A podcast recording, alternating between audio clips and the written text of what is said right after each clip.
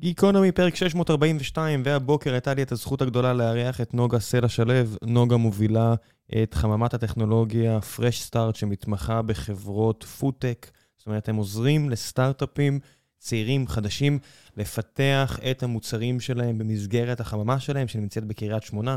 אז דיברנו על המימון של החממה, אם זה מגיע מהמדינה או מהחברות השותפות שלהן, ועל האתגרים סביב פודטק, ועל הפוטנציאל סביב פודטק, ועל הצורך לעשות את זה דווקא בצפון, והאתגרים שנובעים מכך, וההזדמנויות שנובעות מכך, ושלל נושאים אחרים. היה לי שיחה ממש מעניינת, דוברת מעולה לנושא הזה, מאוד רהוטה ומעניינת, ומקווה שגם לכם יהיה מעניין כמו שלי היה. ולפני שנגיע לפרק עצמו, אני רוצה לספר לכם על נותני החסות שלנו, חברת Global Teams.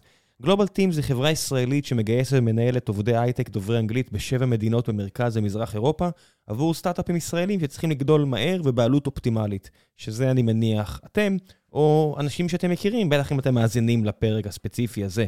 אם יש לכם סטארט-אפ שגדל ואתם צריכים עובדים, אה, תפנו לגלובל טימס. דיברתי איתם, החבר'ה מבינים את העבודה. בהחלט, אני שואל שאלות שהן כנראה קצת שונות ממפרסמים אחרים, כי זה בהחלט צורך שגם קיים אצלנו, והם נתנו לי תשובות מעולות לגבי כל דבר שהעליתי שם. אז הם יודעים לגייס עבורכם עשרות עובדים, תוך, עשרות שבוע, תוך שבועות ספורים, או אפילו אם אתם צריכים מספר עובדים קטן רק כדי לצאת לדרך, אז גם זו אפשרויות. גם זו אפשרות שהם תומכים בה. יש להם 15 מגייסות ומגייסים במשרה מלאה, מה שמאפשר להם להקים, כאמור, גם צוותים של 30 אנשים בחודשיים, אבל גם אם צריכים אחד ספציפי שאתם, עכשיו חסר לכם איזשהו אה, כוח עבודה כזה או אחר, אז אם אתם מגייסים עובדים, תפנו לגלובל טימס, יש הצעת ערך ייחודית למאזיני גיקונומי, הקמה בחינם, תסתכלו, תראו מה זה נותן לכם, דברו איתם, זה יחסוך לכם את העלות הראשונית, יאפשר לכם לבדוק. אה, עם העובדים שלהם, אם בכלל יש את ההתאמה הראשונית הזו, הם חברה עדיין יחסית צעירה, אז הם רוצים לעשות את מה שאפשר כדי שתקבלו את השירות הכי טוב האפשרי עבורכם. אז המלצה אישית ממני, גלובל טימס, אני אשאיר לכם דף ייעודי למאזיני גיקונומי, תנסו ותראו. ועכשיו, גיקונומי 642, מקווה שתהנו.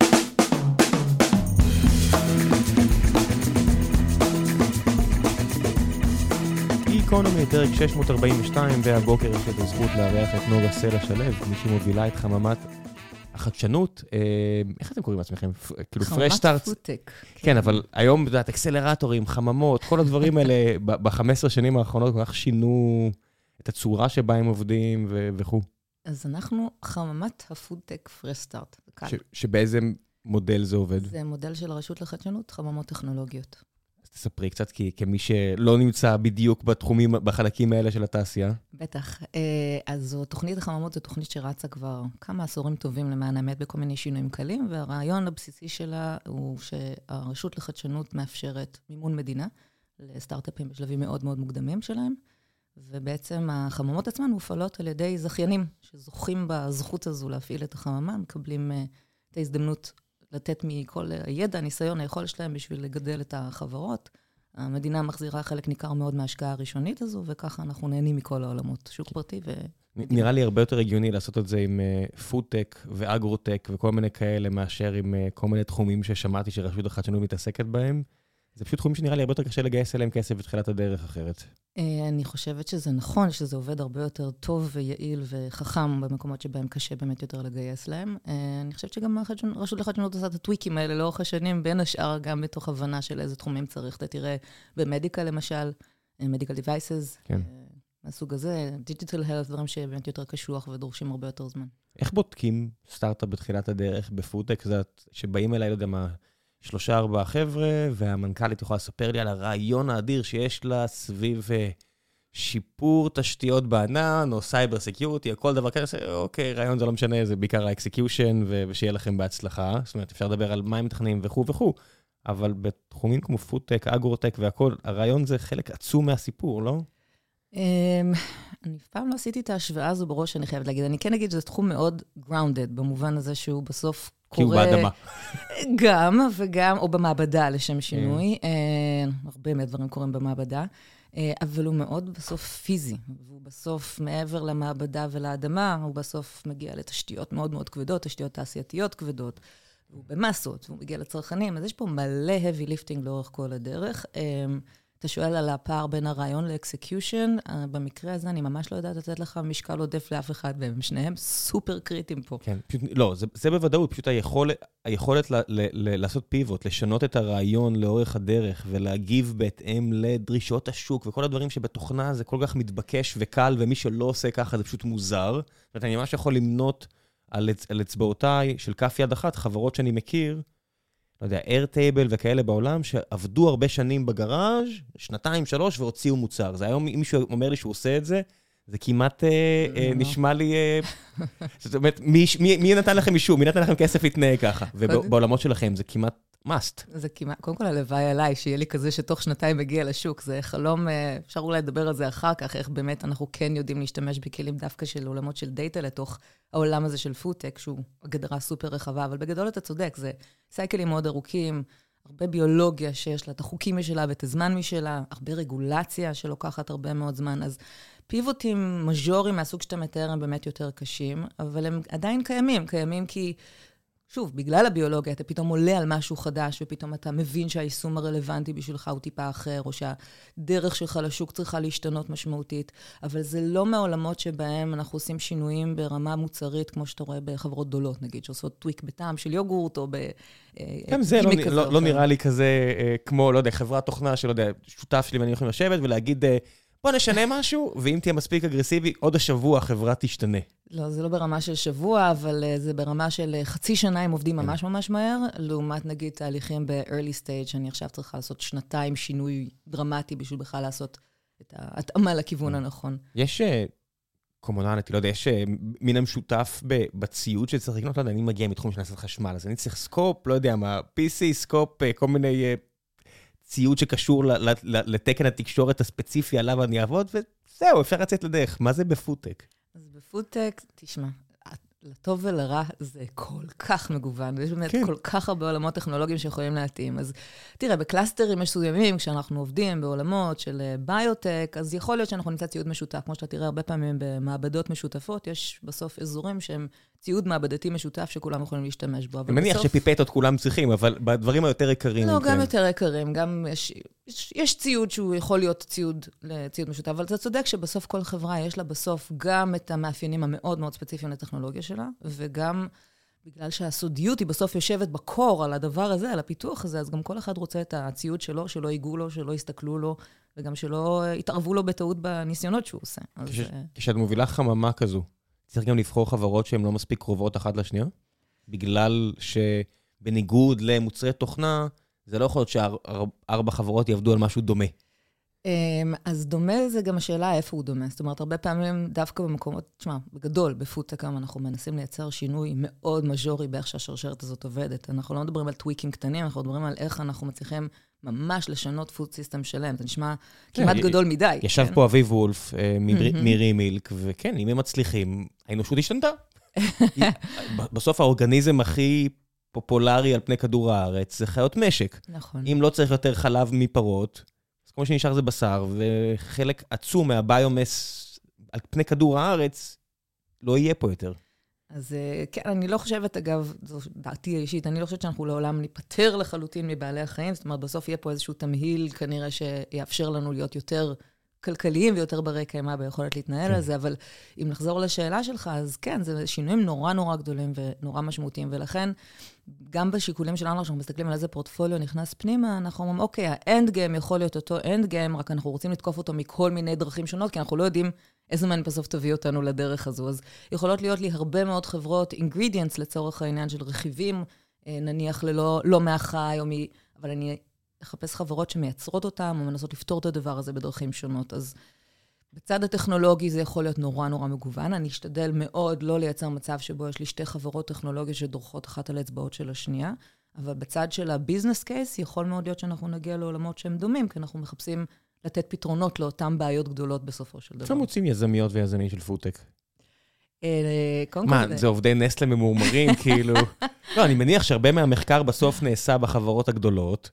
ואני מניח שגם בתאגידי אוכל גדולים, זה הכל לאט ו- ו- ובירוקרטי ומתסכל, ואז אולי גם שם יש חוקרים שרוצים לצאת החוצה, אבל מה, אקדמיה? זה מגוון בצורה קיצונית, אני חושבת. אמ, אני חושבת, יש לנו, קודם כל, תסתכל על הפורטפוליו שלנו, יש לנו הכל מהכל. זאת אומרת, יש לך חבר'ה צעירים שיצאו עכשיו מהאקדמיה, יש לך חוקרים ותיקים שעשינו לטכנולוגיה שלהם טק טרנספר, ופשוט הבאנו קבוצה שלמה, צוות שלהם בעצם, ובנינו חברה מאפס סביב הטכנולוגיה. יש יזמים סופר ותיקים, גם במזון, אבל גם מעולמות אחרים לגמרי, שעכשיו עשו פיבוט לתוך עולם התוכן הזה של פודטק. הרבה מזה מגיע מבאמת איזה מין drive לעשות שינוי אמיתי, משמעותי, גדול.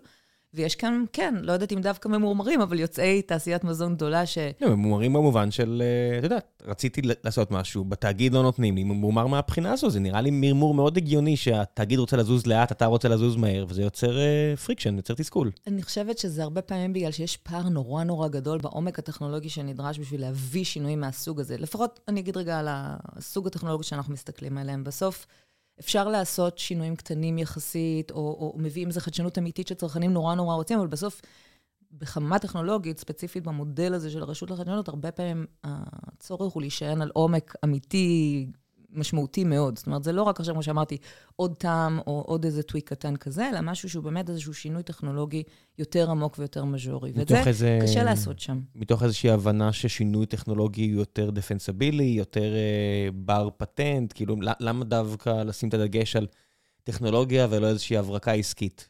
אז אה, פה זה חיבור של שתי תשובות. אחת, אה, כי בסוף זה כסף מדינה. הוא מממן בסוף את מה שקשה לו לגייס לבד.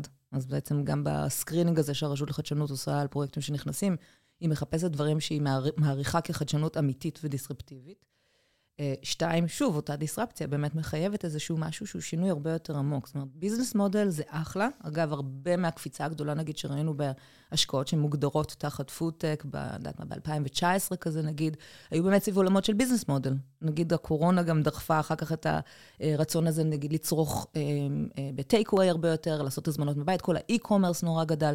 זה business case קלאסי בהמון מובנים. הוא נתמך בטכנולוגיה כמובן, אבל היא בסוף טכנולוגיה שבהמון מובנים הייתה קיימת ועברה איזשהן אדפטציות או העצמה ממש גדולה. סוג הטכנולוגיות שהן hardcore food, כמו שאנחנו מסתכלים עליו, אה, הן, כמו שאתה אומר, קורות במעבדה. זה שינויים שהם בסדרי הגודל האלה. חלבון מתוק מאוד, חלבון כזה, חלבון למשל. אחר, אמ, כן, ואז, ואז אותה נסטלה תגיד, אה, אבל אני צריכה את זה, כי הרוב שנ... רוב שיש בנסלה זה סוכר. נכון אל, אל, אל, אל תעשו לי צרות פה עם הבריאות שלכם. בסוף התעשייה, מחפשת. תמיד זה היה ככה. נכון. תמיד זה היה ככה. האימפריה הבריטית קמה ונפלה על אלכוהול וסוכר, את יודעת, כל מיני דברים כאלו, ותה. אה, כלכלה מניעת עולם, וזה לא תמיד הולך עם החוקרים. אם, אם תמצאו עכשיו חידוש, חלק מהבעיות שלכם יהיו שזה לא כלכלי. נכון, זה חלק אגב ממה שאנחנו עושים, זה לראות איך אנחנו כן. מוודאים שמראש הדבר הזה הוא לא רק איזו טכנולוגיה מדהימה ומרגשת, אלא שהיא גם באמת יודעת להיות ביזנס בסופו של דבר ולהגיע לשוק עם כל ה... באמת, barriers העצומים שיש לתעשיית מזון uh, uh, להציע בהקשר הזה.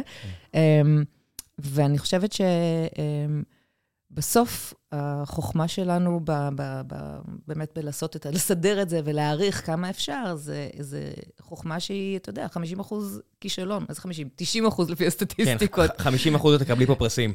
לא, לא, לא. 50 אחוז זה בכלל ההסתברות שזה יכול לקרות, 90 אחוז זה העובדה שזה בכלל יקרה בפועל. אני חושב שאת נדיבה אפילו עם ה-50 אחוז, כן. לא, לא, נתווכח, לא נתווכח על האחוזים. כן, לא נייאש אף יזם שמאזין, אבל, לא. אבל הקוביות נגדם. הקוביות נגדם, זה נכון. כן, ככה זה, זה, זה חלק מהעניין. אז איך בוחרים בחוץ? זאת אומרת, ושלב אחד אחורה, מה בכלל ההגדרה של פודטק לעומת אגרוטק, נגיד? אוקיי, okay, אז, אז קודם כל, אה, זה אכן שרשרת, רציפה פחות או יותר, ואפשר לשים את האצבע כנראה פחות או יותר איפה שרוצים בהתאם למיקודים של ההשקעות שלנו, אבל אנחנו מבחינתנו מגדירים את זה כמה שנקרא post-harvest. זאת אומרת, ברגע שהתוצרת החקלאית היא כבר תוצרת, משהו שאפשר להשתמש איתו כחומר גלם, פחות בצד של הגידול. אנחנו אה, לא נחפש בהכרח אה, רפתות חכמות, אנחנו נחפש את הדרך שהחלב שיוצא מהן יהיה טוב יותר, איכותי יותר וכולי, אם אנחנו נשארים בחלב, או לחילופין, אנחנו נרצה, אה, נסכים להשקיע בגידולי שדה ובהנדסה גנטית שלהם, לא בשביל איזה שיפור קטן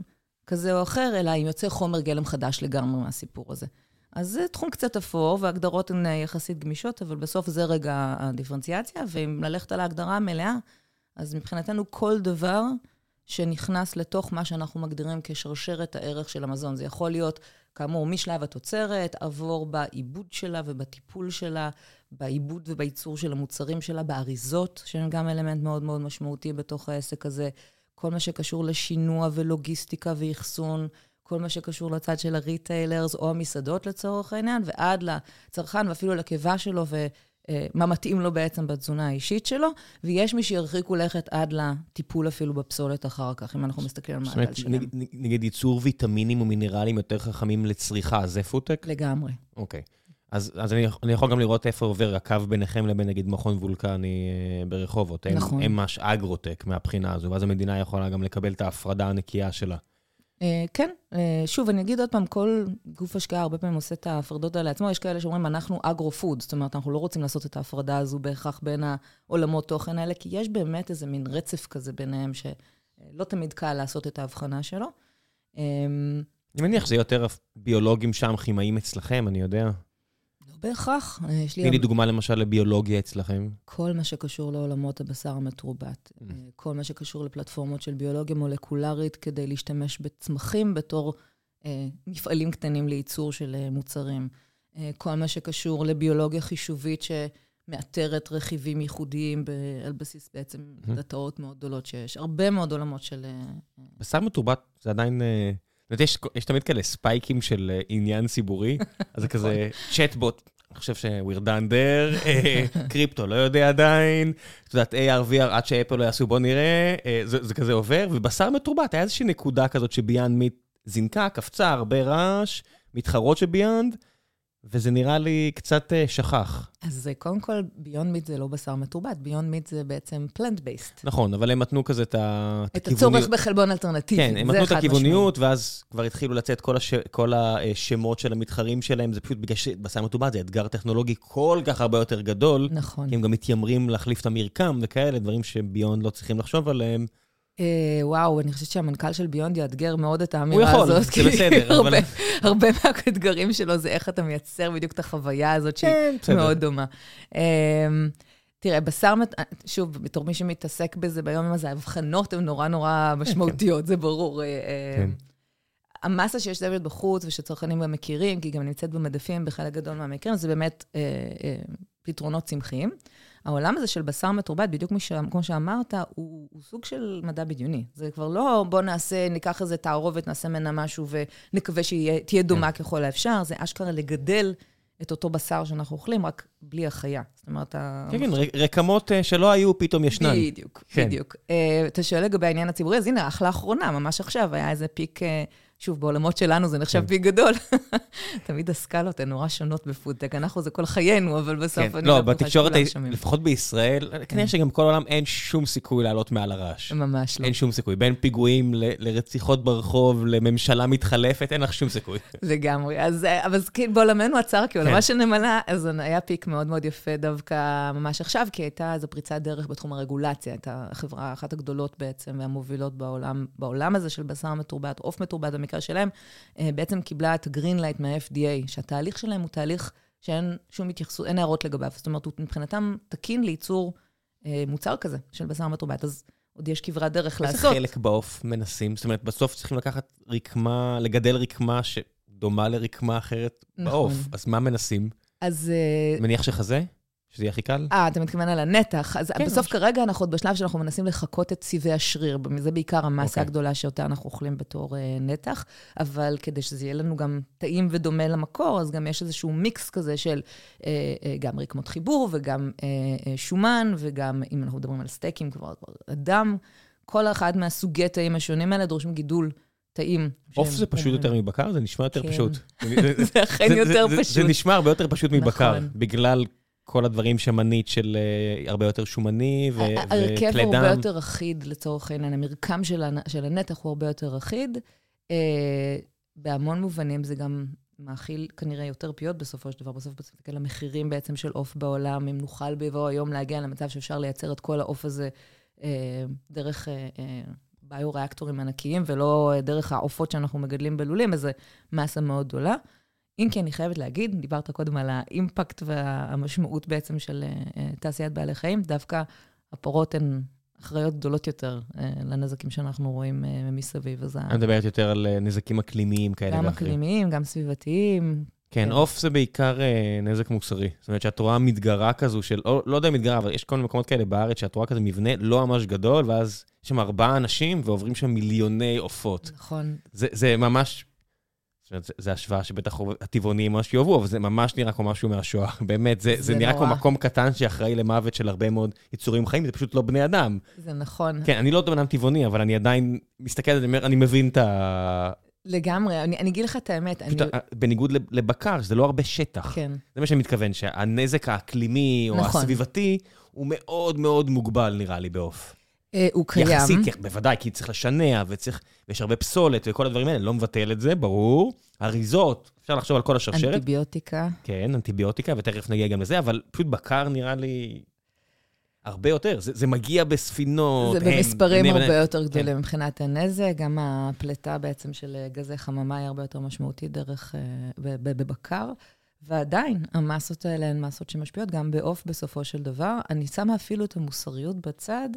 אה, עוף זה בעצם, אה, אה, זה נורא מה שאני אומרת, זו חיה נורא יעילה בשבילנו, בשביל לצרוך אותה. כן, היא הפכה להיות כזו. כן, במקור זה לא נכון, היה כזה. נכון, כי אנחנו צריכים לגדל אותה במשך זמן יחסית מאוד מאוד קצוב, כדי להביא אותה לשיא הגודל שלה, בשביל שאפשר יהיה לצרוך אותה בצורה מיטבית, ואז לכאורה אנחנו מצמצמים גם את כל ההיבטים האלה שתיארת. אבל כן, יש מעטפת הרבה יותר גדולה של באמת זיהומים של מים ושל קרקע שנגזרים מזה, והיבטים של שינוע, כמו שאתה מתאר, ו... בקיצור, כן. יש, יש. אפילו חברות uh, פה בארץ, אני לא יודע אם אצלכם או לא, שמשנות את ה-DNA כדי שלא ייוולדו אה, עופות זכרים, ואז פחות צריך להמית אותם. נכון, זה תהליך, בביצים אתה מתכוון. כן, כן, כן. ש- יש שזה, כאלה. שזה בטח מסוג הדברים שנשמעים, בדרך כלל אנשים ממדינות אפריקאיות יגידו, what the fuck are you talking about? אבל לא יודע, מדינות שיכולות להרשות לעצמם מוסר כמו אירופה. תהיו מוסרים, למה לא? כאילו, אה, זאת אומרת, נכון. בסופו של דבר מוסר זה גם פריבילגיה, ומי שיש יש לו את הפריבילגיה הזו, שיהיה מוסרי. אז אני חושבת שזאת נקודה, אבל ששווה שנייה להתעכב עליה, כי אני חושבת שהסיפור הגדול בכלכלת בעלי חיים, זה נכון שהמוסריות היא אלמנט שם, אבל בסוף ההסתכלות שם היא הסתכלות מאוד מאוד כלכלית, ובאמת עניין של סוסטיינביליות. זאת אומרת, לא כסיסמאות. בסוף אתה מסתכל על כמה זמן אתה יכול להתקיים על תעשייה כזו, תעשיית בעלי חיים לאורך זמן, בשביל להאכיל אוכלוסייה גדלה והולכת, שגם הולכת וצורכת יותר ויותר בשר.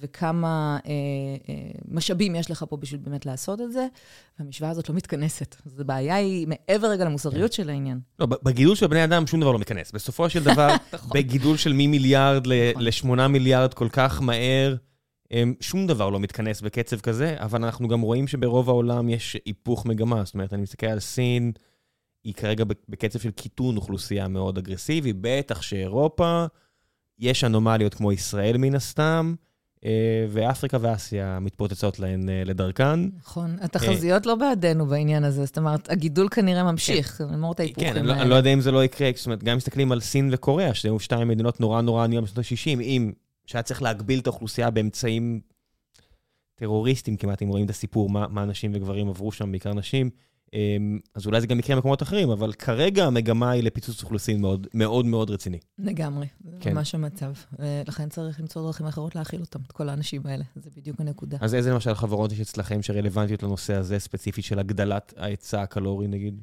לא היצע, אבל הגדלת פשוט הקלוריות שאפשר לייצר. אז אני אתן שתי דוגמאות. אחת, זה באמת אה, אה, חברה שנקראת פרופיוז, שהיא מתעסקת בעולם התוכן הזה של בשר מתורבת, אבל היא לא מגדלת את הנתחים או את התאים עצמם, היא עוזרת לכל החברות שמתעסקות בעולם התוכן הזה. כמה חברות כאלה יש? יש סדר גודל של 100 ומשהו חברות היום בעולם, שזה העולם תוכן שלהן. אה, כשה...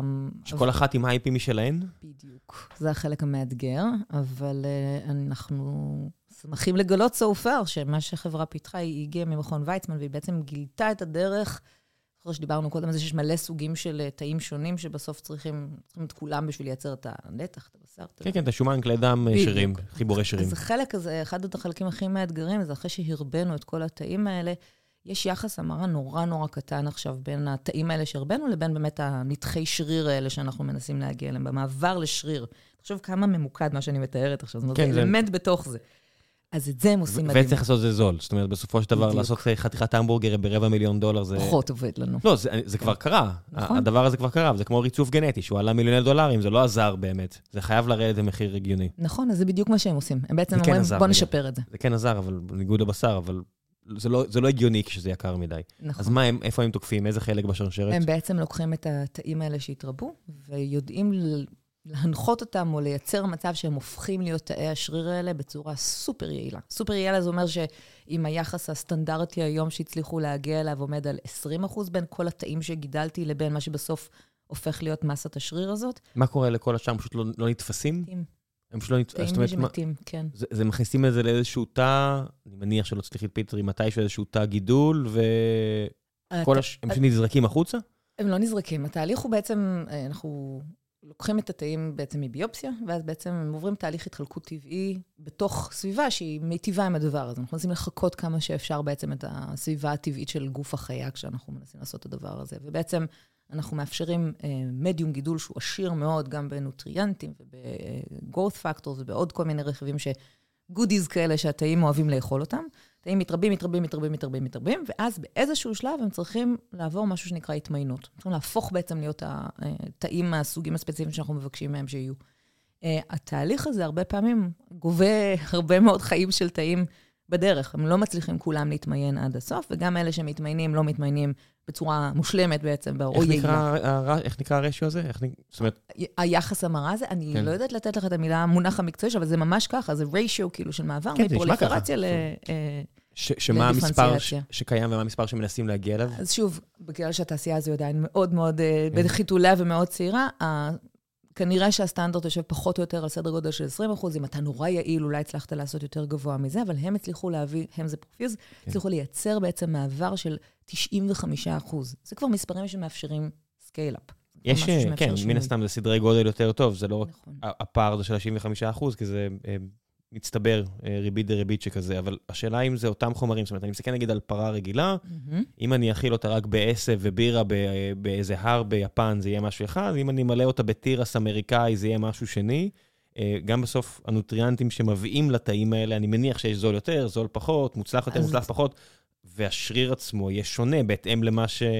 אתה צרך. אוקיי, אז זה... מה, במה הולכים? זה נקודה מעולה. אז מה אתה צורך זה באמת אה, אה, עולם תוכן שלם, שגם בו יש הרבה מאוד עבודה לנסות mm. ולטפל. אגב, עד היום הת... המדיום הזה שבו התאים גדלו, הכיל מה שנקרא אה, אה, סרום, שהוא מקורו בבעלי חיים. אנחנו רוצים גם את זה להימנע, הרי, גם בשביל לייצר איזשהו סייקל שהוא הגיוני. מה כאן המקורו בבעלי חיים?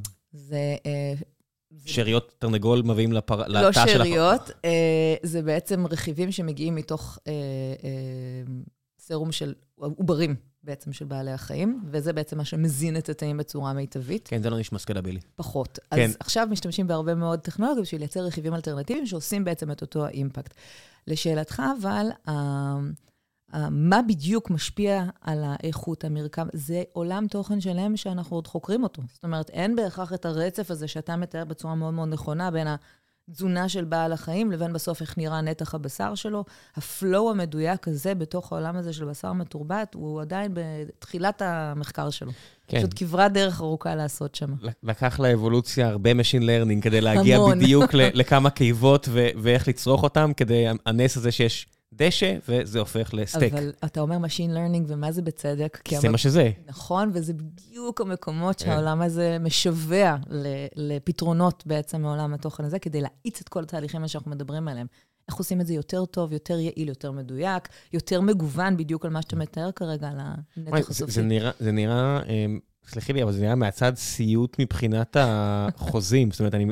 אני רק מסתכל על השרשרת, אז היה חוקר שנגיד עשה את זה במכון ויצמן, אז במכון ויצמן יש מחלקת IP נפלאה. נכון. ואז משרד המדען הראשי הישראלי נוגע בזה, אז גם הוא נחמד. אה, אם יש מישהו שמשקיע איתכם, אז גם הוא יש לו חלק. ואז מגיע אה, התאגיד הדני, או השוויצרי, או לא יודע מה, שיממן את השלב הבא, וגם לו יש חלק, ובסוף מישהו צריך למכור את זה. נכון. זאת אומרת, כל השרשרת הזו, ו-IP בדרך כלל מחזיק 20 שנה נניח, זאת אומרת, איך מנהלים בכלל רק את הסבך הבירוקרטי המשפטי הזה? ואיך זה עדיין נשאר הגיוני בסוף גם ליזמים? אז אנחנו לא המצאנו את הגלגל בעניין הזה, obviously פיתוחים מי... טכנולוגיים uh, בעולמות התוכן, גם האלה, הביולוגיים, כן. בין אם זה ברפואה, בין אם זה... הם, הם בעצם, זה השרשרת שלהם, ככה היא נראית בסוף. חלק גדול מהעניין הוא שבעצם כל הזמן מתפתח IP נוסף תוך כדי תהליך, והמון נו-האו סופר ייחודי. תחשוב, דיברתי איתך על רכיב מאוד מאוד מאוד מאוד ספציפי בתוך תהליך מאוד ארוך שאנחנו רוצים בסוף שיקרה, בין תחילת הדרך של התא ועד לנתח הזה שאנחנו רוצים שייווצר בסוף, כולל כל היכולת לייצר את הבידול שדיברת עליו, של האיכות השונה של הבשר. יהיה אה, נתח כזה או לעומת נתח כזה. אז הערכים המוסיפים, בניית הערך לצורך העניין בתוך החברות האלה היא קונסטנט, והיא בסוף נסמכת באמת על המון המון ניסיון נצבר שם. וגם היכולת לסבור את הדאטאות הספציפיות של המחקרים שהם עושים, בעצם התוצאות השונות, וה...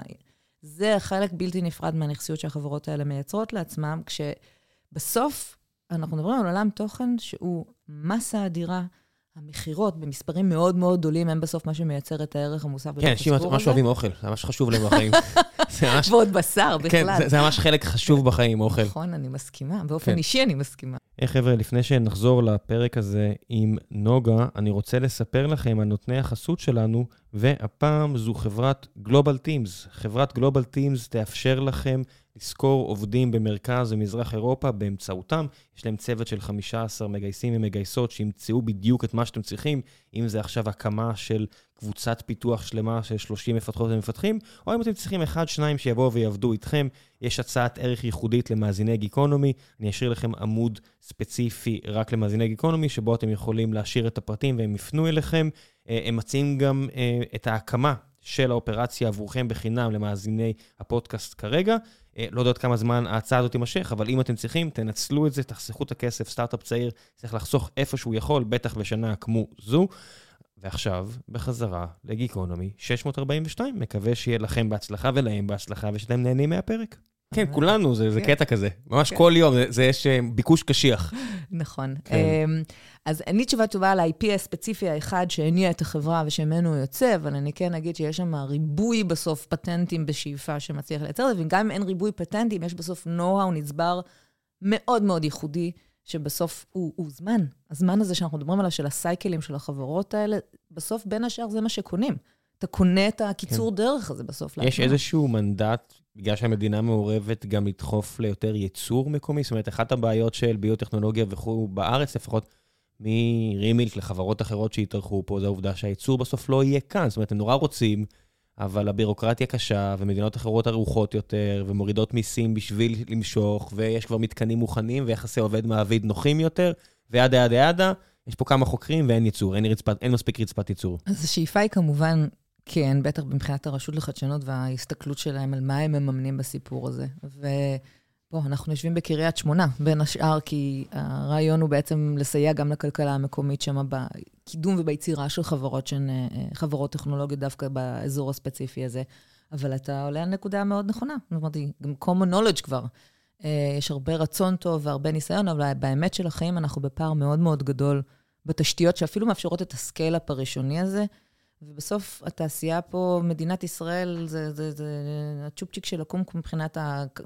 בסדר, גודל בש... התעשייה. גם בשבבים היינו ככה, אבל הסכמנו כן. uh, להוריד את המיסוי לאינטל לאפס, ו-yada yada yada, יש לנו מפעלי שבבים. האם זה טוב, האם זה רע, אני לא יודע, אבל זה עובד.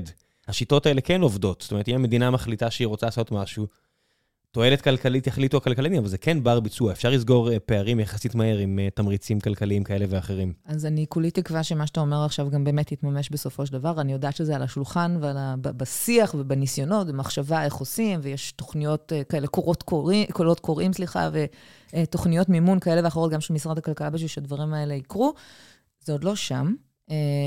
אני, אנחנו מבחינתנו הרגע, שוב, צער עולמנו כעולמה שנמלה, אנחנו מאוד רוצים שהחברות שצומחות אצלנו, יהיה להן קל, נגיש ויעיל לעשות את אותם תהליכי סקיילה בסופו של דבר שהם רוצים לעשות, והיכולת לעבוד גם בשוק מאוד מאוד קטן, זה בסוף סוג של מגרש משחקים כזה שאנחנו רוצים לנסות לאפשר להם לעבוד בו. אבל בסוף, אה, חלק מהאג'נדה גם של הפודטק היום זה לייצר מצב שבו אנחנו יכולים לייצר תשתיות ייצור מקומיות בכל מיני מקומות בעולם. ו...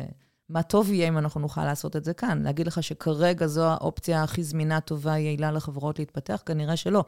לא בהיבטי התשתית וגם לא בהיבטי הרגולציה כרגע, אה, כפי שהיא נראית. אבל שוב, אני יודעת בוודאות שיש שולחנות בכל מיני מקומות שבהם יושבים אנשים אה, טובים ומוכשרים ומנסים לפתור את העניין הזה.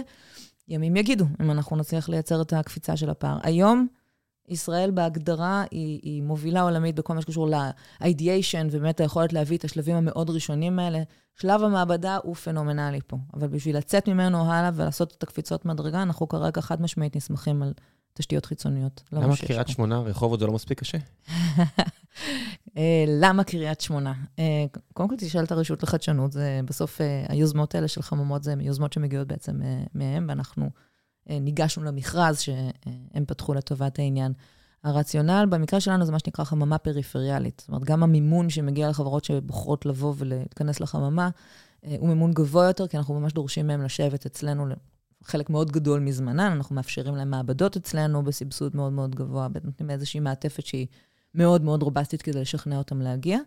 אה, ואנחנו חלק מאיזה ecosystem מתהווה דווקא בצפון שם, מעולמות של agro-food, עם אה, הרבה שותפים אזוריים, כולל אה, גם גורמים מוניציפליים וגם בעצם מכון המחקר מיגל שנמצא שם, ומכללת תל חי שנמצא שם, שיש לה פקולטת פודטק כזאת מתקדמת, ו...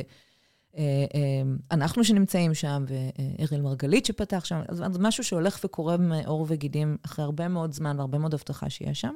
לשאלתך, למה זה אה, בסוף אותה תוכנית שצמחה מלמטה, יש לומר, זאת אומרת, זה לא בהכרח המדינה באה והחליטה, אלא זה משהו שממש הגיע מתוך הגורמים האזוריים שם, חיפשו את העוגן שעליו הם יכולים בעצם להשעין כלכלה מתקדמת יותר, והגיעו למסקנה ש-agro-foodtech זה אחד הנכסים המקומיים שיש להם, וככה הגיע בקשה אמיתית לייצר את ה-agro-food cluster באזור, כשהחממה היא רגע, רגל אחת מתוך הרבה מאוד חוליות בשרשרת שנועדו לגרום לדבר הזה לקרות.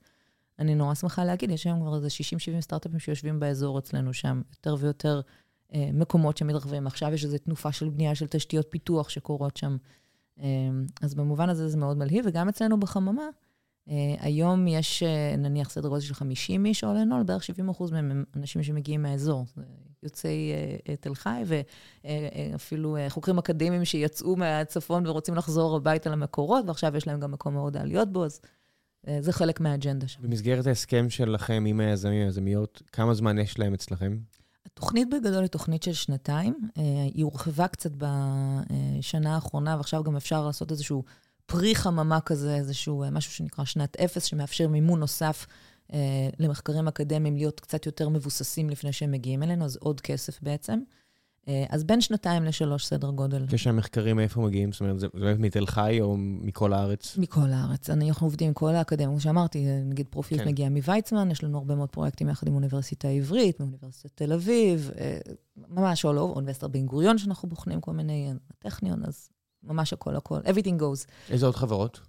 אז דיברת על בשר מתורבת, יש גם דג מתורבת, חברה ששמה C2Cell, שהיא פשוט מגדלת uh, תאי דג מתורבתים, שוב, מנסה לעשות את זה מאוד מאוד יעיל. מניח מינוס ההידרה וכאלה, כי אם כבר אז כבר... חד משמעית, זה בדיוק העיקרון. אבל uh, אם אנחנו שנייה מרחיבים את הרעיון הזה של חלבון אלטרנטיבי, תחשוב כמה תעשיות היקפיות בעצם נוצרו סביב העניין הזה רק מלאכול בשר. בסוף יש שימוש היום לאורות ולשאריות לצורך העניין שמשתמשים, בין אם זה ברכיבים של טעם וריח, ובין אם זה בחלבונים פונקציונליים שמשמשים בתוך התעשייה לשלל יישומים שאנחנו אפילו לא יודעים שקיימים בתוך האוכל שלנו. השימוש בביצים, למשל, שהוא מאפשר לנו גם את ההדבקה הזאת באפייה, למשל, וגם כל מיני תכונות מרקמיות.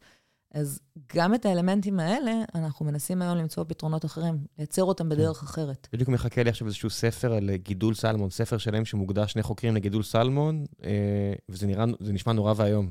זאת אומרת, התעשייה הזאת של גידול סלמון בים הפתוח, היא מזעזעת, מתברר. מתברר שהדבר הזה לא בריא בעליל, ואפילו ממשלת נורבגיה ממליצה לנשים בהריון להימנע ממנו, שפה בארץ, כאילו, לפחות בעולם... המסה הגדולה מגיעה. כאילו, אנשים, אנשים כן. כאילו אה, רוצים לצרוך את זה, לפחות אצלנו בסיפורי, תאכלי דגים, זה טוב, זה בריא, ואז את מגלה, וואו, זה לא כזה בריא בכלל. נכון. זה לא הדגי סלמון, אה, דגי פרא, אה, זה מלא, זאת אומרת, יש אחוז כזה של כל מאכל, כמה ממנו באמת מגיע לצלחת של מישהו. אז נגיד בעוף 97 אחוז ראיתי, ובבקר זה איזה 80 ומשהו אחוז, ובסלמון כמעט חצי. אה, נזרק מרוב שהוא מזוהם ורעיל.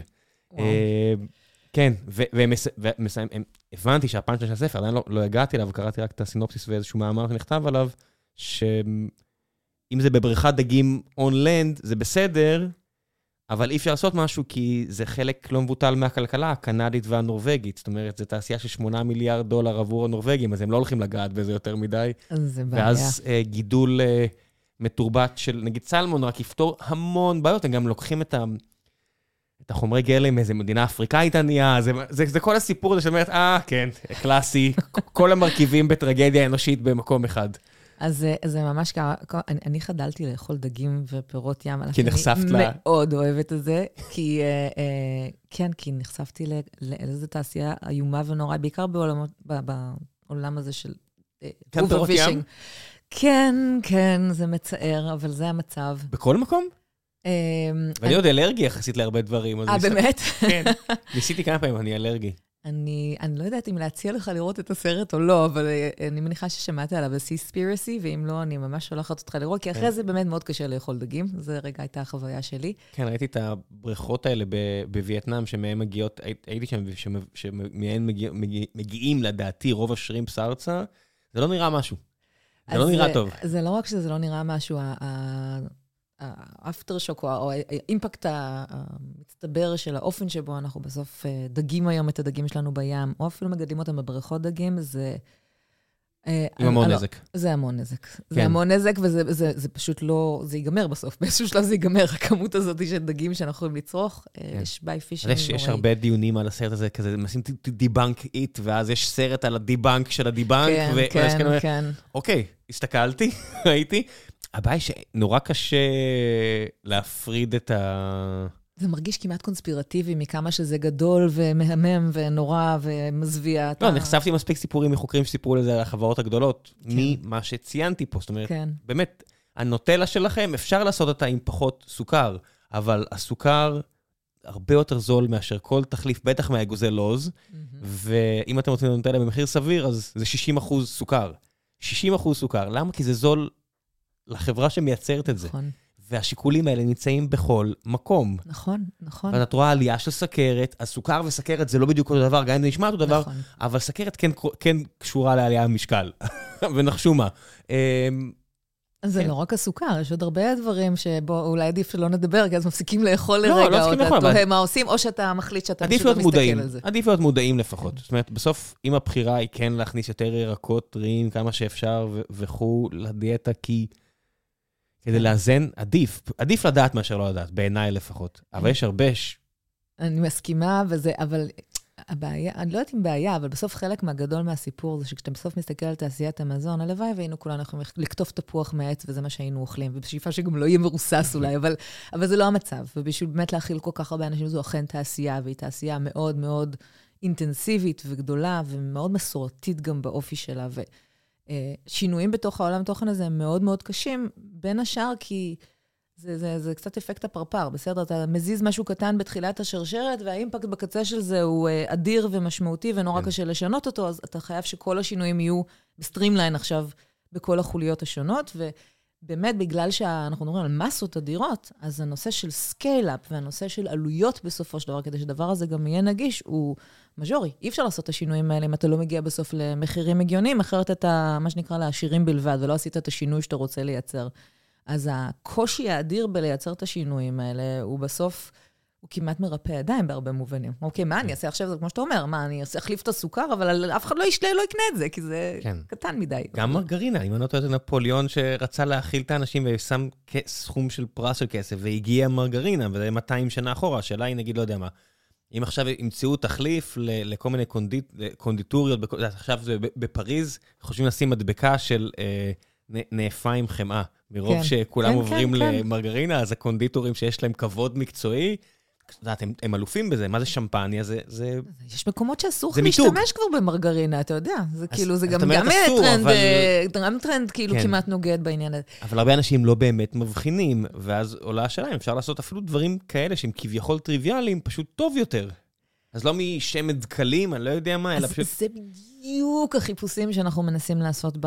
ב... כשאתה שואל אותי איזה טכנולוגיות אני מסתכלת, מה אני, אני מחפשת דברים שיפתרו בעיות גדולות. בעיות גדולות מבחינתי זה זה. כן, חמאה זה ממש בעיה גדולה.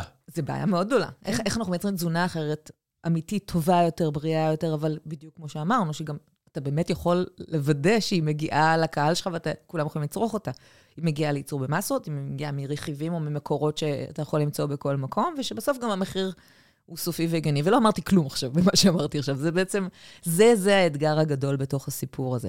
אני מחפשת דברים שלא יזהמו את הסביבה שלנו, או שיהיו יותר יעילים באופן שבו הם משתמשים במשאבים. כל הנושא של חלבון אלטרנטיבי יושב על, ה, על הדבר הזה. יכול להיות trade-off שבו זה כן, נגיד, יוזיל עלויות, אבל זה יגדיל זיהום, ואז לא, ואז לא תלכי על זה? זאת אומרת, זה, זה מגיע למקומות כן, כאלה? כן, חד משמעי, אנחנו לא יכול... אנחנו, אין, אין, לא ייכנס היום לחממה פרויקט שאנחנו יודעים שהוא לא sustainable-י. sustainable-י אקולוגית. כן, כן. אוקיי. זה ממש חובה. עכשיו, תשאל אותי איך אני יודעת בוודאות, אני לא. זאת אומרת, אין לי באמת את הכלים. אבל זה השאלות שאת שואלת. אבל זה השאלות שאני שואלת, חד משמעי. כן, זה כמו שברגע שהכניסו את החוקים של אנטי-הטרדה מינית, אז הבורד לא יודע מה קורה, אבל בעצם החוק שאני מחויב להודיע לו בתור פאונדר בחברה, זה כבר הוסיף משהו. אז זה כוחה של רגולציה, כן. בדיוק. או, או, זה יכול להיות או רגולציה של המדינה, או שהבורד יגיד לי עוד לפני, תקשיב, אם יש משהו, אני אתלה אותך מהאשכים שלך, לא, לא יודע ממש מה. ממש ככה, כן. כן, אישית אני, זה, כן. יודעת, ברמה הזו, זה, בסוף זה עניין של מודעות. זה, גם אם את לא יודעת, מספיק שאת מעבירה את המסר שזה מאוד חשוב לך. חד משמעי. אז, אז שמע, בדלת אמותינו הקטנות בחממה, אז אתה אה, אה, תמצא פחים למחזור, ואני לא, מר, לא מרשה פלסטיק. אני לא מרשה שיהיה, נגיד, כלי אוכל מפלסטיק. זה, זה שטיק שלי, בסדר? אז זאת אומרת, יש החלטות שהן בזיר, בזירה המאוד מאוד פנימית שלנו. יש לי בעלי בית, לא דיברנו עליהם בכלל, אבל יש לי בעלי בית מאוד גדולים וחזקים בתוך העולם תוכן הזה של פודטק. ש... מה זה אומר בעלי בית המשקיעים שלך? השותפים בעצם שמפעילים את החממה. יש לנו את uh, תנובה, יש לנו את טמפו, שאני מניחה שזה שמות שמכירים פה בקהל בוודאות. יש את Our Crowd, שבטח בעולמות של יזמות גם uh, שם יחסית מוכר, של פלטפורמת מימון משקיעים מאוד גדולה. וגם את Finisteer Ventures, שבעולמות שלנו של אגרו-פודטק הם משקיע מאוד מאוד מנוסה ומאוד ותיק שיושב בסיליקון ואלי. אז זה שולחן מאוד מאוד מגוון, וכל אחד מהגורמים האלה גם מביא לשולחן, בדיוק כמו שאתה אומר, את המיקודים שלו, את האג'נדות שלו, את האופן שבו הם בוחרים להסתכל על דברים, מה הם רוצים לעשות. תנובה יוצרת בעיות? זאת אומרת, מהבחינה של... יוצרת בעיות. כן, לא, תקשיבי, בוא נשים דברים על השולחן. היום כל חברה שהיא מעל 999 סיני, יש חוקים מיוחדים שצריך לעשות. זאת אומרת, לקחת השקעה ממדינה שקשורה לסין, מעל 10 אחוז, יש סט שלם של חוקים שאתה מחויב לו בהקשר הממשלה האמריקאית. אז ברור שבכל מה שקשור לשבבים זה הרבה יותר קריטי, אבל איך זה עם פודטק? הרי תנובה היום לא, היא בבעלות של... לא מורגש כרגע. לא, לא מורגש, ממש, ממש לא מורגש. זורמים איתכם לגמרי? ו... גם זורמים איתנו לגמרי, וזה גם ברמת הדינמיקה, זה בעיקר ברמת היידוע. זאת אומרת, יש חופש פעולה מאוד מאוד גבוה, יש לנו ארבעה שותפים שווים. זאת אומרת, הרביעייה שתיארתי, כל אחת מחזיקה חלק שווה בחממה, זו שותפות למעשה. יש לי חופש פעולה בתוך הדבר הזה שהוא... מנותק בהמון מובנים ממה שקורה בתנובה ובתהליכי העבודה שלה, שאני יוצאת תנובה בעברי, אז אני גם יכולה להגיד לך שגם שם התחושה והשמועות על עכשיו החברה היא סינית, זה, זה לא מורגש בעבודה השוטפת היומיומית כמעט בכלל. גם כן, לסיני אין קרניים. בסופו של דבר, האינטרס שלהם הוא די האינטרס של העולם. זאת אומרת, אם הם יביאו את הבשורה בכל מה שקשור לבשר מתורבת, כולנו נרוויח. Everybody's happy, כן. כן, סבבה, אני, אני בטוח שממשלת ארצות הברית לעשות חמוצים, כאילו, מבחינתי, היוקרה וכל הדברים האלה. לא, גם, גם, כל מה שקשור לאקלים הוא בעיה גדולה גם של הסינים. הם חיים על פני כדור הארץ הזה. נכון. וכשהם ניסו עכשיו להפחית מאוד אה, פחם, זה גם בגלל שהם הפחיתו פחם בגלל איזה מה שהיה להם עם אוסטרליה, חרם על אוסטרליה, מאיזושהי סיבה פוליטית, לא משנה, אבל בסוף הם, הם נתקעו בלי חשמל, ועכשיו הם חוזרים קצת לפחם, אבל הם באמת מנסים, הם שמו יעדים מאוד מאוד אגרסיביים, שעכשיו הם קצת לא עומדים בהם, אבל הם באמת מנסים, זה לא ש... נכון. יש שם מודעות מאוד גדולה. אני אגיד אפילו יותר גדולה מאשר מדינות כמו ישראל. כן, וגם ה... יכולת רגע של top down הרבה יותר משמעותית. כי זה מיליארד אנשים, נכון. בניגוד לעשרה מיליון פה. לא, וגם שלטון שהוא כזה, הוא... בתפיסה שלו, הוא בעצם... הוא ריכוזי וחזק, ריכוזי כן. ומחליט מלמעלה, מה שנקרא לדברים. לא, הוא לא רק ריכוזי, הוא גם חזק. נכון. הוא ממש אוכף את הדברים שהוא מנסה לעשות, לטוב ולרע, ויש לזה השפעה גלובלית, כי כל בן אדם שמיני בעולם הוא סיני. נכון. יותר, פחות, כאילו, זאת אומרת, יש יותר מיליארד, ורק הבן אדם השמונה מיליארד נולד עכשיו, אבל... כן. הם גם מאוד uh, תועלתניים במובן הזה של, אוקיי, פה יש חדשנות מאוד גדולה בעולם התוכן הזה, פה יכול להיות שינוי. אוקיי, כן. פה אנחנו רוצים... זה לא נעשה הכללה על מיליארד אנשים, אבל השלטון שם לפחות זה הדברים שהוא... שהוא נכון. וזה יש בסוף כמה אנשים ספציפיים, אז גם, את המפלגה שלהם איזה תשעה מיליון אנשים, הוא לא יודע כמה, אבל שיהיה... שמונה משפחות, כך אומרים. ההבדל בין כך אומרים לזה, בסוף, אה, את יודעת, היו פה כל מיני סינולוגים שהסבירו לי, ואני אומר, אה. בסוף מי שלא רוצה לדעת, אז לא נדע. אז בואו נחזור אחורה. כן. סתם במארג הזה של המערכות יחסים, בסוף יש לך דירקטוריון משלך, אז אם נגיד את מביאה שם משהו שהוא לא קשור לתנובה, אז תנובה תתנגד, כי זה ממש לא, ממש ממש לא. אז זה רגע, אני אגיד, אנחנו בסוף כלי השקעות. ההסתכלות שם... הם מחפשים את ה-ROI, לא את החידוש הטכנולוגי עבורן? גם וגם, אני לא חושבת שבהכרח זה סותר, ואני עוד לא קרה מצב שיש משהו שהוא לא רלוונטי להטמעה אצל אחד השחקנים, התעשייתים, אני מתכוונת בעיקר, שלא קיבל אישור בגלל זה. זאת אומרת, ההסתכלות היא הסתכלות מאוד uh, New Business, אוקיי? איפה אנחנו יכולים למצוא בעצם את העסק המשמעותי הבא, איפה אנחנו יודעים לייצר את האימפקט המשמעותי הבא. Uh, גם מה אפשר להטמיע.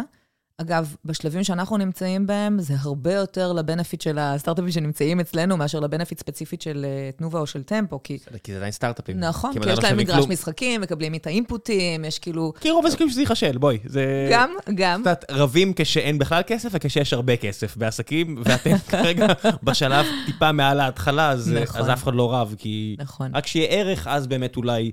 אבל מאפשרים לערך הזה להיווצר, זה מה שמנסה כן. להגיד. נכון, שזה... זה, זה, זה המודל. זאת אומרת, אם, אם היה ריב, זה לא היה... האמת אבל שזו בעיה ששמעתי הרבה. זאת אומרת, זה, זה חלק, זה, זה התבגרות שתעשיית התוכנה והחומרה בארץ עברה, ונגיד הפארמה, למשל, כל מיני יזמים כזה יכולים לשלוח לי הודעה, שתדע שמה שאמרת, אז בפארמה אנחנו עדיין סובלים ממשקיעים של פעם, נגיד. כן. זה it is what it is. אז המשקיעים עכשיו נורא נורא מתפתחים, כי זה תחום נורא נורא מתפתח. היה. שוב, בעולמנו, שהמספרים בו הם כנראה מאוד מאוד שונים, אה, בטח מעולמות שאתה מגיע מהם. 2022 עשתה תיקון, זה הכל טוב. אה, גם, אני אגיד בסקאלות לא, לא העיפה אתכם כמו שהורידה את כל לא, השאר. לא, לא, לא, לא. אבל אגב, זה כן מעניין לראות, כי נכון, הייתה צניחה חופשית. כמו שאמרתי, גם הרבה מהנפח שראינו בעולמות האלה של מה שהוגדר פר אקסלנס פודטק, היה באמת בעולמות של... מין פלטפורמת מכירה כאלה אחרות, e-commerce היה נורא נורא גדול. אה, אז, אז שם בעצם הייתה צניחה חזרה לאיזה ממדים שהם אולי יותר מוכרים, אבל תחשוב שה-year on year של אה, עולמות, נגיד של אה, חלבון אלטרנטיבי, שגדל ב-100 אחוז, במקומות מסוימים ב-400 אחוז, נגיד בין אה, 21, בין 20 ל-21, אז ב-22 אתה רואה ירידה של 10 אחוז. זה עדיין זה... לא תיקון, אוקיי? כן, זה לא... חברות כמו אלו פרש, או לא יודע מה, שעשו מהפכה בלשנע את האוכל, ואיבדו 80 או 70 אחוז. נכון. הם עדיין מוכרות המון המון המון, אבל השווים, המכפילים נכון. ירדו מאוד. אבל אני אומרת, בהשקעות בתוך העולמות האלה של הפיתוח, הן לא ירדו בצורה דרסטית, ועדיין המגמה, אם מסתכל בכמה שנים, זה משהו מטורף מה שקורה שם. כשאומרים חלבונים אלטרנטיביים, יש איזה 200 מיליון חלבונים. מה זה חלבונים אלטרנטיביים? זה חלבון... בעיקר בשר כאילו? זה, זה שם קוד לבשר? לא רק, לא רק. אז זה, זה מה שהתחלתי להגיד קודם, שבסוף כאילו כל התעשייה הזו של חלבון מהחי, יש לה המון, מעט... יש לה הרבה תעשיות מעטפת, אפילו לא רק במזון, כאילו אור. רגע, חלבון זה בהכרח, הרי יש חלבונים שהם לא מהחי, יש חלבון נכון. בסויה ובחומוס, אני יודע. אז הכוונה פה היא למה אלטרנטיבי לחלבון, מה, זה קיצור. חלבון אלטרנטיבי לחלבון מהחי. הבנתי, לא, לא, אבל, אבל כן. זה, זו, זו השאלה שלי, זאת אומרת, אני אומר, כן. חלבון מהסויה גם, אני מניח, יש... הוא חלבון אלטרנטיבי להגדרה הזאת לצורך העניין. הבנתי, אוקיי? אבל יש גם בעיות למשל, עם גידולי סויה. חד משמעי, ולכן זה מה שמנסים לתקן? כן, שוב, מה זה... אבל לא אצלכם. אה, גם אם, לא, רגע, לא בהכרח. זאת אומרת, לצורך העניין, אם אנחנו עכשיו מוצאים טכנולוגיה שהופכת את השימוש בחלבוני הסויה למשהו שנניח פרופיל הטעם שלו הוא הרבה יותר קל לעיכול, בוא, כל מי ששתה חלב סויה אה, מבין שיש פה איזשהו עניין. משקה, משקה סויה, לא, לא שמעת? אתה צודק, אתה צודק. שאני אגיד כזה דבר. את עבדת בחברה שדאגה לחקיקה הזו, אבל בסדר. כן, כן. והיום אולי מתחרטת על זה, אי אפשר לדעת, זו גם שאלה. It is what it is, אבל תנובה הייתה החברה והמקבילות לה בעולם. מועצת החלב נכון. האמריקאית דאגה שזה לא יהיה חלב סויה או חלב שקדים, אלא נכון. משקה סויה, משקה שקדים. נכון. היום, אגב, תנובה היא... היצרנית הגדולה ביותר של משקאות אלטרנטיביים, אתה מבין איך שגלגל מסתובב. אבל אה, אגב, כגישה רגע של חדשנות בתחום הזה, אני כן אגיד, ייאמר לזכותם, עשו את ההשקעה הזאת לפני 20 שנה. את, ה, את ההשקעה הזאת בחברה, אז נקרא סוימג'יק, בשביל, בשביל לפתח בכלל את הסגמנט הזה. אנשים שונים. בסופו של דבר אנחנו אומרים תנובה, אבל, אבל יש בני אדם. זה, חד משמעית. זה, זה, זה בני אדם נכון. אחרים לגמרי, עם דעות אחרות לגמרי, ואסטרטגיה עסקית אחרה לגמרי. כשאומרים תנובה התחרטה, אז אה, הבן אדם ההוא אולי לא התחרט, אבל הבן אדם הנוכחי אולי אה, לא נכון. אוהב את ההחלטה הזו. הרוויחו עכשיו מזה שעשו את ההחלטה, אז בואו נסכים על זה ככה, כן. וגם לוקחים את זה עד, ל, עד לקצה. בסדר, רמת ההשקעות שיש שם בעולמות התוכן האלה של חלבון אלטרנטיבי, הניסיון שנצבר שם הוא מאוד מאוד... יש ייצוא? זאת אומרת, עכשיו לאחרונה ראיתי נגיד ש... אותה תנובה, שמייצאת נגיד קוטג' לקנדה, כי, כי לא יודע למה, או, או מה, אני מניח שיש הצדקה עסקית, אז זאת אומרת, התמריצים פה זה, בגלל שזה אוכל, ואוכל זה הרבה פעמים שוק מקומי, זה, זה גם החוצה, זאת אומרת, מנסים לקלוע פה לטעם של הצרכן הישראלי, נגיד, אם זה תנובה שמממנת מחקר, או שמנסים... הרי טעם זה כל כך סובייקטיבי. אנחנו מוסיפים, נגיד, הרבה מלח לקוטג' וזה טעים לנו. אה, במקומות אחרים אולי לא. זאת אומרת, זה אוכל, זה טעם. אז אני חושבת, תראה, הייצוא כרגע הוא לא ייצוא מז'ורי, וגם צריך לזכור, זה fresh produce. זאת אומרת, למעט גבינות, נגיד, כן. קשות כן. כאלה, שיש להם אולי חיי מדף יותר ארוכים, מוצרים שהם ב-UHT, שהם עמידים. מה זה? מה? UH? UHT. זה, זה, זה מוצרים עמידים. אוקיי. זה קרטון חלב עמיד, או שמנת עמידה, שאתה מכיר את הקופסאות היותר קשיחות האלה, שגם יש להם ככה איזה אה, יכולת להכיל את המוצר לאורך יותר זמן. גם שם אנחנו מדברים על, יודעת מה, חודשיים. או עד חצי שנה חיי מדף. אה, שמנת להקצפה וכל למשל, הדבר, כל כן, הדברים כן. האלו, אוקיי, אוקיי. אז, אז רוב התוצרת היא תוצרת טרייה, יכול להיות בעצם באמת לייצא אותה בשביל חיי מדף מספקים, היא מאוד מוגבלת בעולמות תוכן האלה. אז אני חושבת שהיכולת שה, היא בעיקר לייצא ידע, בסדר? לייצא את הניסיון שאנחנו אה, יכולים אולי בחברות שונות פה בארץ לייצר אה, וליהנות רגע מה-benefits האלה. אה, אני יודעת שתנובה עשתה נגיד הסכם מכירה של ידע על, חל, על כאלה משקאות אה, אה, אלטרנטיביים לחלב למיגרוס השוויצרית, אבל זה היה על ידע. פחות רגע על המוצר עצמו. שאיך הסכם כזה נראה? זאת אומרת, אתה, אני מביא לך את הידע הזה, וב-20 שנה הקרובות, כל מוצר שתמכור, אני מקבל איזשהו royalties? ממש באותו דבר. זה licensing, הכי הכי פשוט. כן. יואו, זה, זה בטח הרבה מה, מהעסק בסופו של דבר, שבוחנים את המוצרים שלכם, זה לראות מה... זה לראות מי יקנה את זה בסוף, כן. זאת אומרת, מה, איך הם מרוויחים מה... מה... איפה ה-return on investment כאן? מי זה הם? ארבעת המשקיעים שלך. זאת אומרת, מלבד 아, המדינה... אה, בחממה? כן, שהמדינה, אני מבין לגמרי את כן. המנדט שלה, אז יש, לנו, יש לכם... אז... אני, אני יותר קל לי עם גופים מסחריים, כי זה יותר קל לי להבנה, זה לא... בטח. לא פוליטיקה. אז, אז קודם כל, בהכי בסיסי, בסדר? בסוף חממה, בתוכנית הזו הספציפית של החממות, תחשוב, 85% מסכום ההשקעה בתוך התקרת גג הזאת של כסף שמושקע בשלב הראשון, מוחזר על ידי המדינה. זאת אומרת, הסיכון to begin with הוא נמוך יותר, אז היחס של ה equity שאנחנו לוקחים, לעומת הכסף שאנחנו בפועל בעצם מוציאים מהכיס בהשקעה הישירה הזו, הוא יחס מצוין, בסדר? תשקלל בתוך זה את ההוצאות השוטפות של תפעול חממה, אתה עדיין מגיע ליחס של נניח 1 ל-3. על כסף ששמת לעומת ה equity שקיבלת בהשוואה לשווי החברה שאתה מעריך אוקיי, שהשקעת. אז אתה מקבל לא המון equity, אבל יש לך equity. חד משמעית. מה האינטרס נוסף?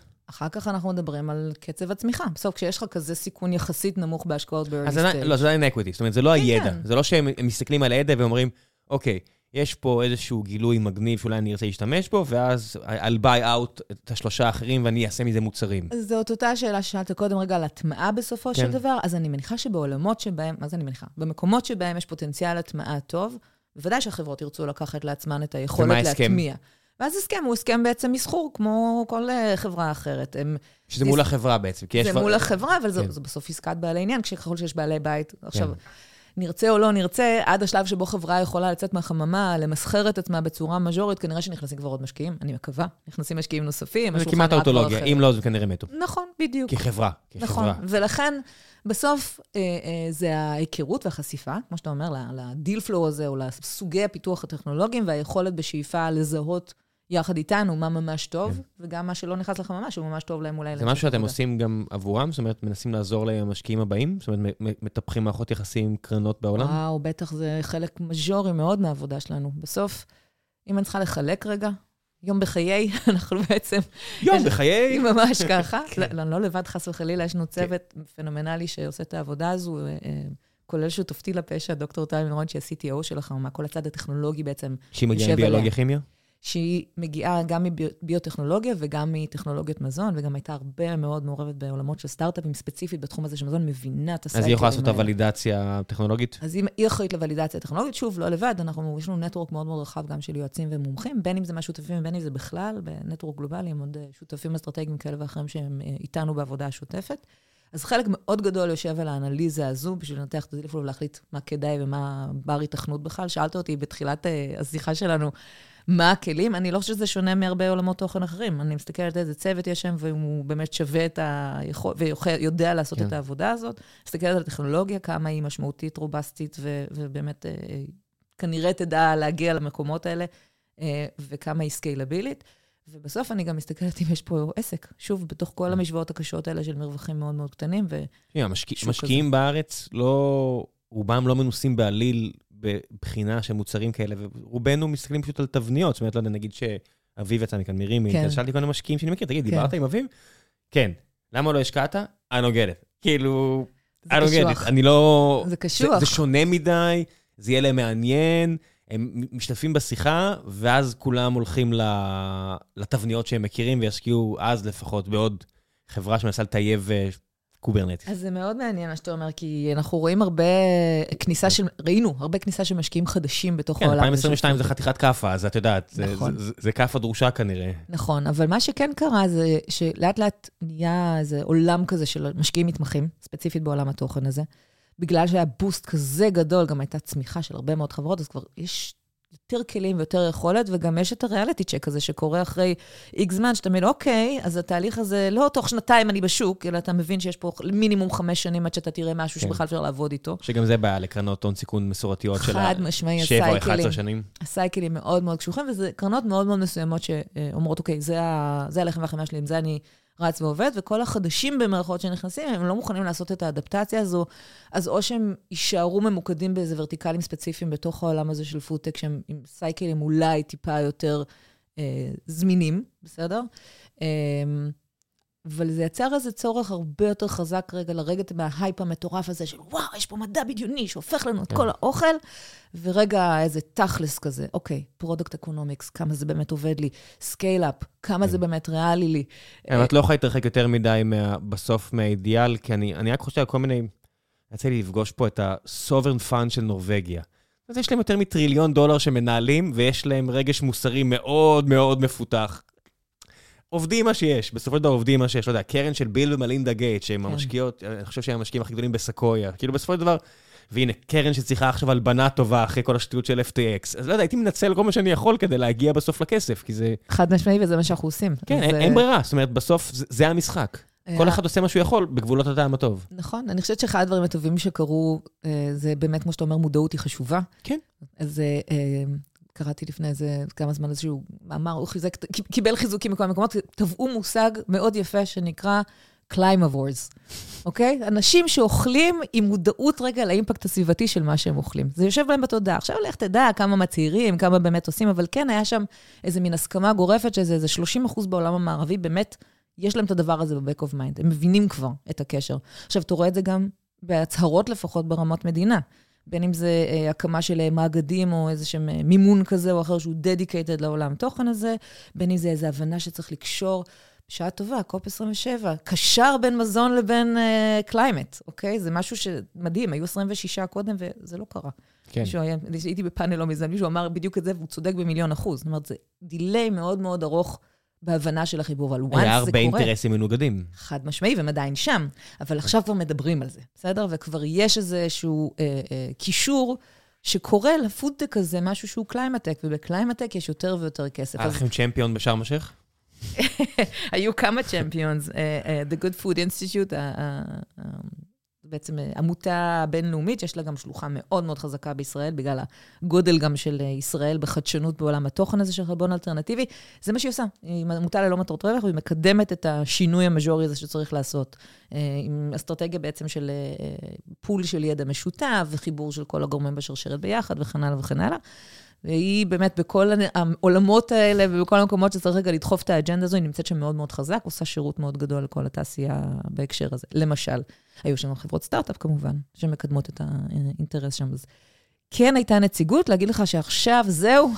זה עדיין מרגיש לגלגל אבן במעלה וואו, לגמרי. זאת אומרת, סטארט-אפ רגיל מרגיש ככה, אבל צריך להגיד את האמת, זה לא כמו שזה היה לפני עשר שנים. לפני עשר שנים גם היה הרבה יותר קשה לגייס כסף, אולי עכשיו שוב יהיה הרבה יותר קשה לגייס כסף. אני חושבת שיותר קשה לגייס כסף. אני בטוח שכן, אבל כן. אה, לא יודע כמה זמן זה יהיה ככה. זאת אומרת, כל אחד משחק את המשחק שלו, לא יודע. ההערכה שלי, Q2 2024 יהיה שוב, יתחיל להיות בסדר. זה לא עוד הרבה זמן. זאת אומרת, כל חברה יכולה להתכונן איך שהיא רוצה, אבל עבורכם, זאת אומרת, עבור כל מי כן. שמחוץ למיינסטרים, זה בטח הרגיש גם בתקופה טובה, אני עושה פה במרכאות, עדיין לגלגל אבן במעלה הר. בצד של הפיתוח בוודאי, בצד של גיוס הכסף הייתה איזו תקופה אחלה. משוגעת כן. לגמרי. מה שנקרא, אנחנו רק נולדנו, אז הקורט הראשון שלנו אפילו עוד לא הגיע לשם, אני כזה, או, איך זה יכול להיות שפספסנו את ההזדמנות המדהימה הזאת, דווקא עכשיו אנחנו בגיוס. אבל זה קורה, כשחברה טובה זה קורה. כן. אמ, והטכנולוגיה היא solid, זה קורה, וזה חלק מה job. זאת אומרת, לראות שאנחנו מצליחים להביא את ה... כן, יש כל מיני אינפוגרפיקות כאלה, באיזה משבר כלכלי נולדו איזה חברות. כן. כן, זאת אומרת, גם...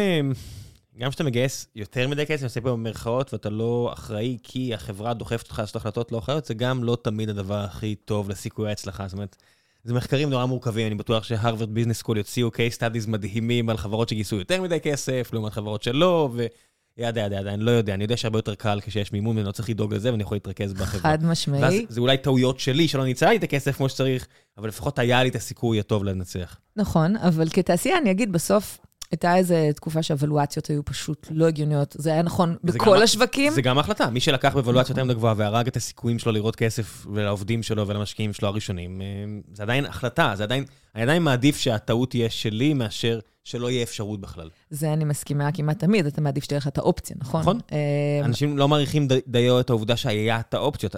זה היה ליזמים ולמשקיעים, או ליזמות ומשקיעות לפשל. זאת אומרת, זה זה היה אצלהם. זה נכון, ועכשיו אני מסתכלת על זה שוב כתעשייה, ועוד פעם, הייתה איזה, זה, זה, זה תעשייה שלמה שהיא גברה איזה מין מטמורפוזה נורא גדולה בשנים האחרונות בהמון המון מובנים, כי אוכל תמיד היה פה, גם חדשנות באוכל כנראה תמיד הייתה פה, אבל הבום המטורף הזה שראינו עכשיו, זה נורא מאפיין באמת את השנים האחרונות. אז כן, מצד אחד, בפרספקטיבת היזמים, מה שאתה מתאר חד משמעית נכון.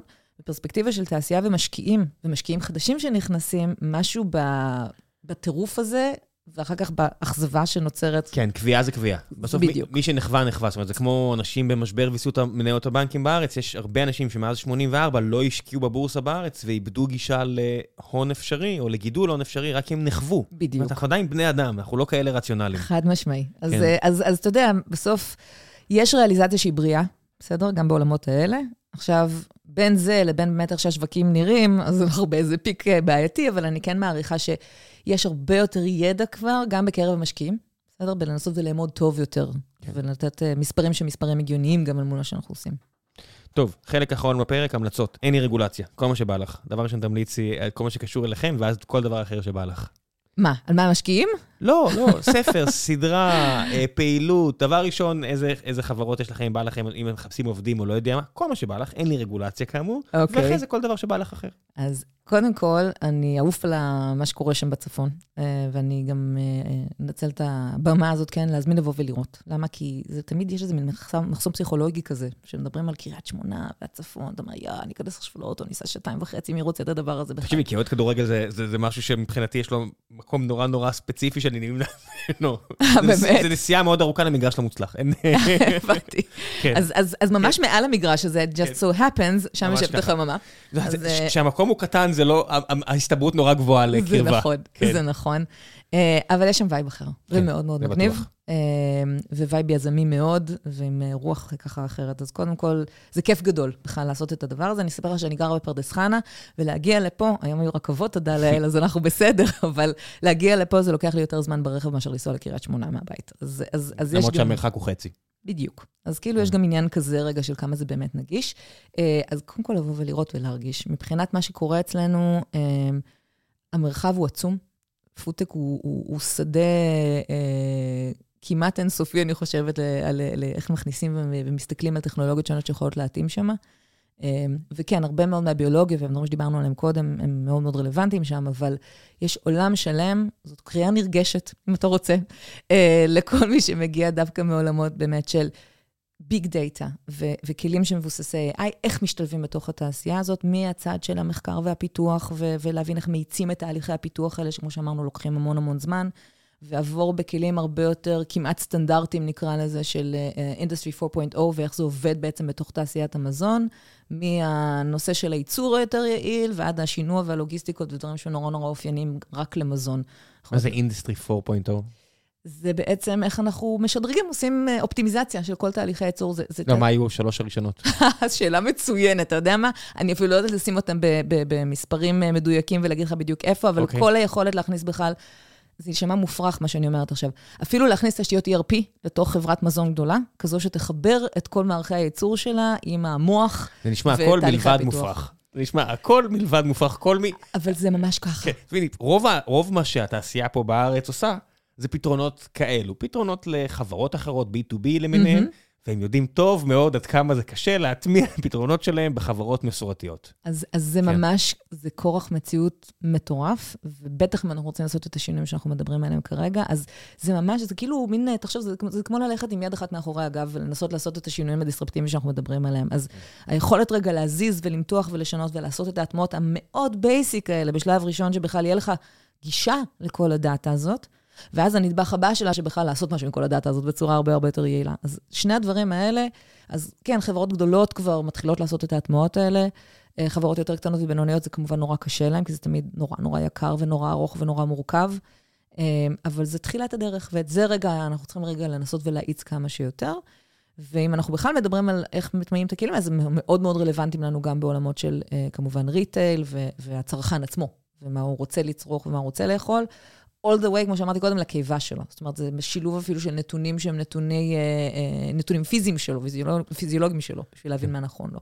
תעשו בדיקת דם. הנה המלצה אישית שלי, לפני שנעבור להמלצות תרבותיות כאלה ואחרות. כן. מדהים כמה שרק מבדיקת דם, אפילו הבסיסיות, אפשר לראות שיש אה, או מרקרים לדברים רעים מאוד, אם יש, אז גם, תמיד אני אומר, תעשו קולונוסקופיה, מעל, מעל הגילאים שצריך. וסתם בדיקת דם, זה, זה נורא קל לראות אם אתם עושים עבודה לא טובה. אה, כן. בלשמור על עצמכם. כן, והיום הגישה היא גישה של אה, תזונה מונעת. זאת אומרת, אחרי כן. שתדע מה לא בסדר, גם יכול, יש, תוכל לקבל כלים שיעזרו לך לשפר בעצם את המצב שלך, בעצם זה שאתה משנה כן, את הרגל התזונה. כן, הרבה פעמים זה גם רק wake-up call. גם.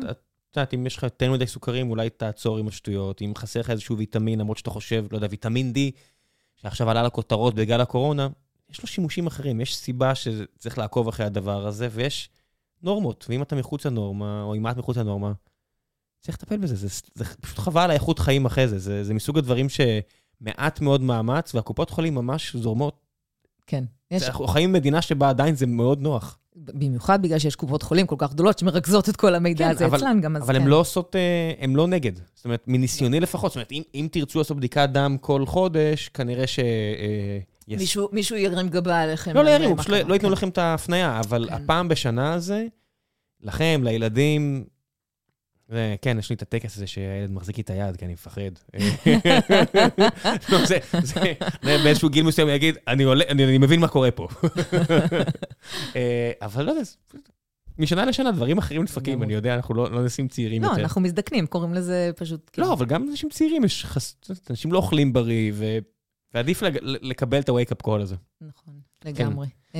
המלצות אחרות, משהו טוב שקראת, ראית לאחרונה מלבד, אה, איך זה נקרא? זה לא זה סיספירסי? סיספירסי, כן. זה היה לפני כבר אה, שנה, אני כן, כן. חוגגת שנה ללא דגים, זה היה אה, כזה. למה את מחליפה את זה?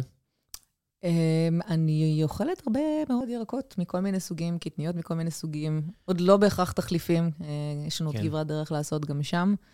אמ, אז, אז כן, אז זה זה. אמ, מה עוד אני יכולה להמליץ? אני ממליצה על טיול בוקר לנחל בקיבוץ ניר.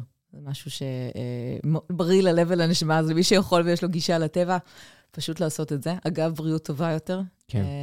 משהו שככה מצאנו קרוב, לה, אנחנו שוכרים צימרים שם באזור, פעם שנים באמצע השבוע גם שם בשביל לקצר טווחים ולייצר יותר אחיזה במקום. אז זה דרך מדהימה לפתוח את היום, כנראה נכון לכל מי שככה עושה טיפה פעילות גופנית ב... צאו ללכת ועדיף בטבע. ממש ככה. כן. Uh, בריא ללב לנשמה וגם עושה סדר במוח. Uh, וכן, עולם uh, פחות קשור. אני מניחה שמנכ"לות זה ידוע שזה עניין קשה ומורכב. כן, אני... זה על הפנים לבריאות. זה נורא ואיום, זה מזעזע. זה על הפנים לבריאות הנפשית והפיזית. והדרך היחידה להתמודד בעיניי זה באמת ה-time out for time in כזה.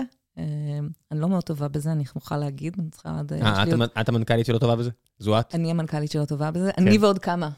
פה, מאחוריי. כן. לא, השותף שלי לא פה. כן. לא, זה אה, באמת קשה. זה נורא קשוח, אבל זה must, זה כאילו ממש אה, חובה בשביל להעביר את זה פנימה. אז זה אה, משהו... כן, זה עושה או לקנות את טוויטר ולהסוות משבר כלשהו, אני לא יודע, אבל כל אחד מתמודד עם האתגרים האישיים שלו אחרת. נכון. כן, אז אם אין לכם 44 מיליארד דולר ספייר, צאו לטבע. צאו לטבע, תנשמו וקחו פסק זמן אם אתם יכולים. כן. כן, ובאמת, ובואו לפודטק, אנחנו צריכים אנשים טובים. תודה רבה רבה רבה, ושיהיה המון המון בהצלחה. תודה רבה. ביי ביי. ביי.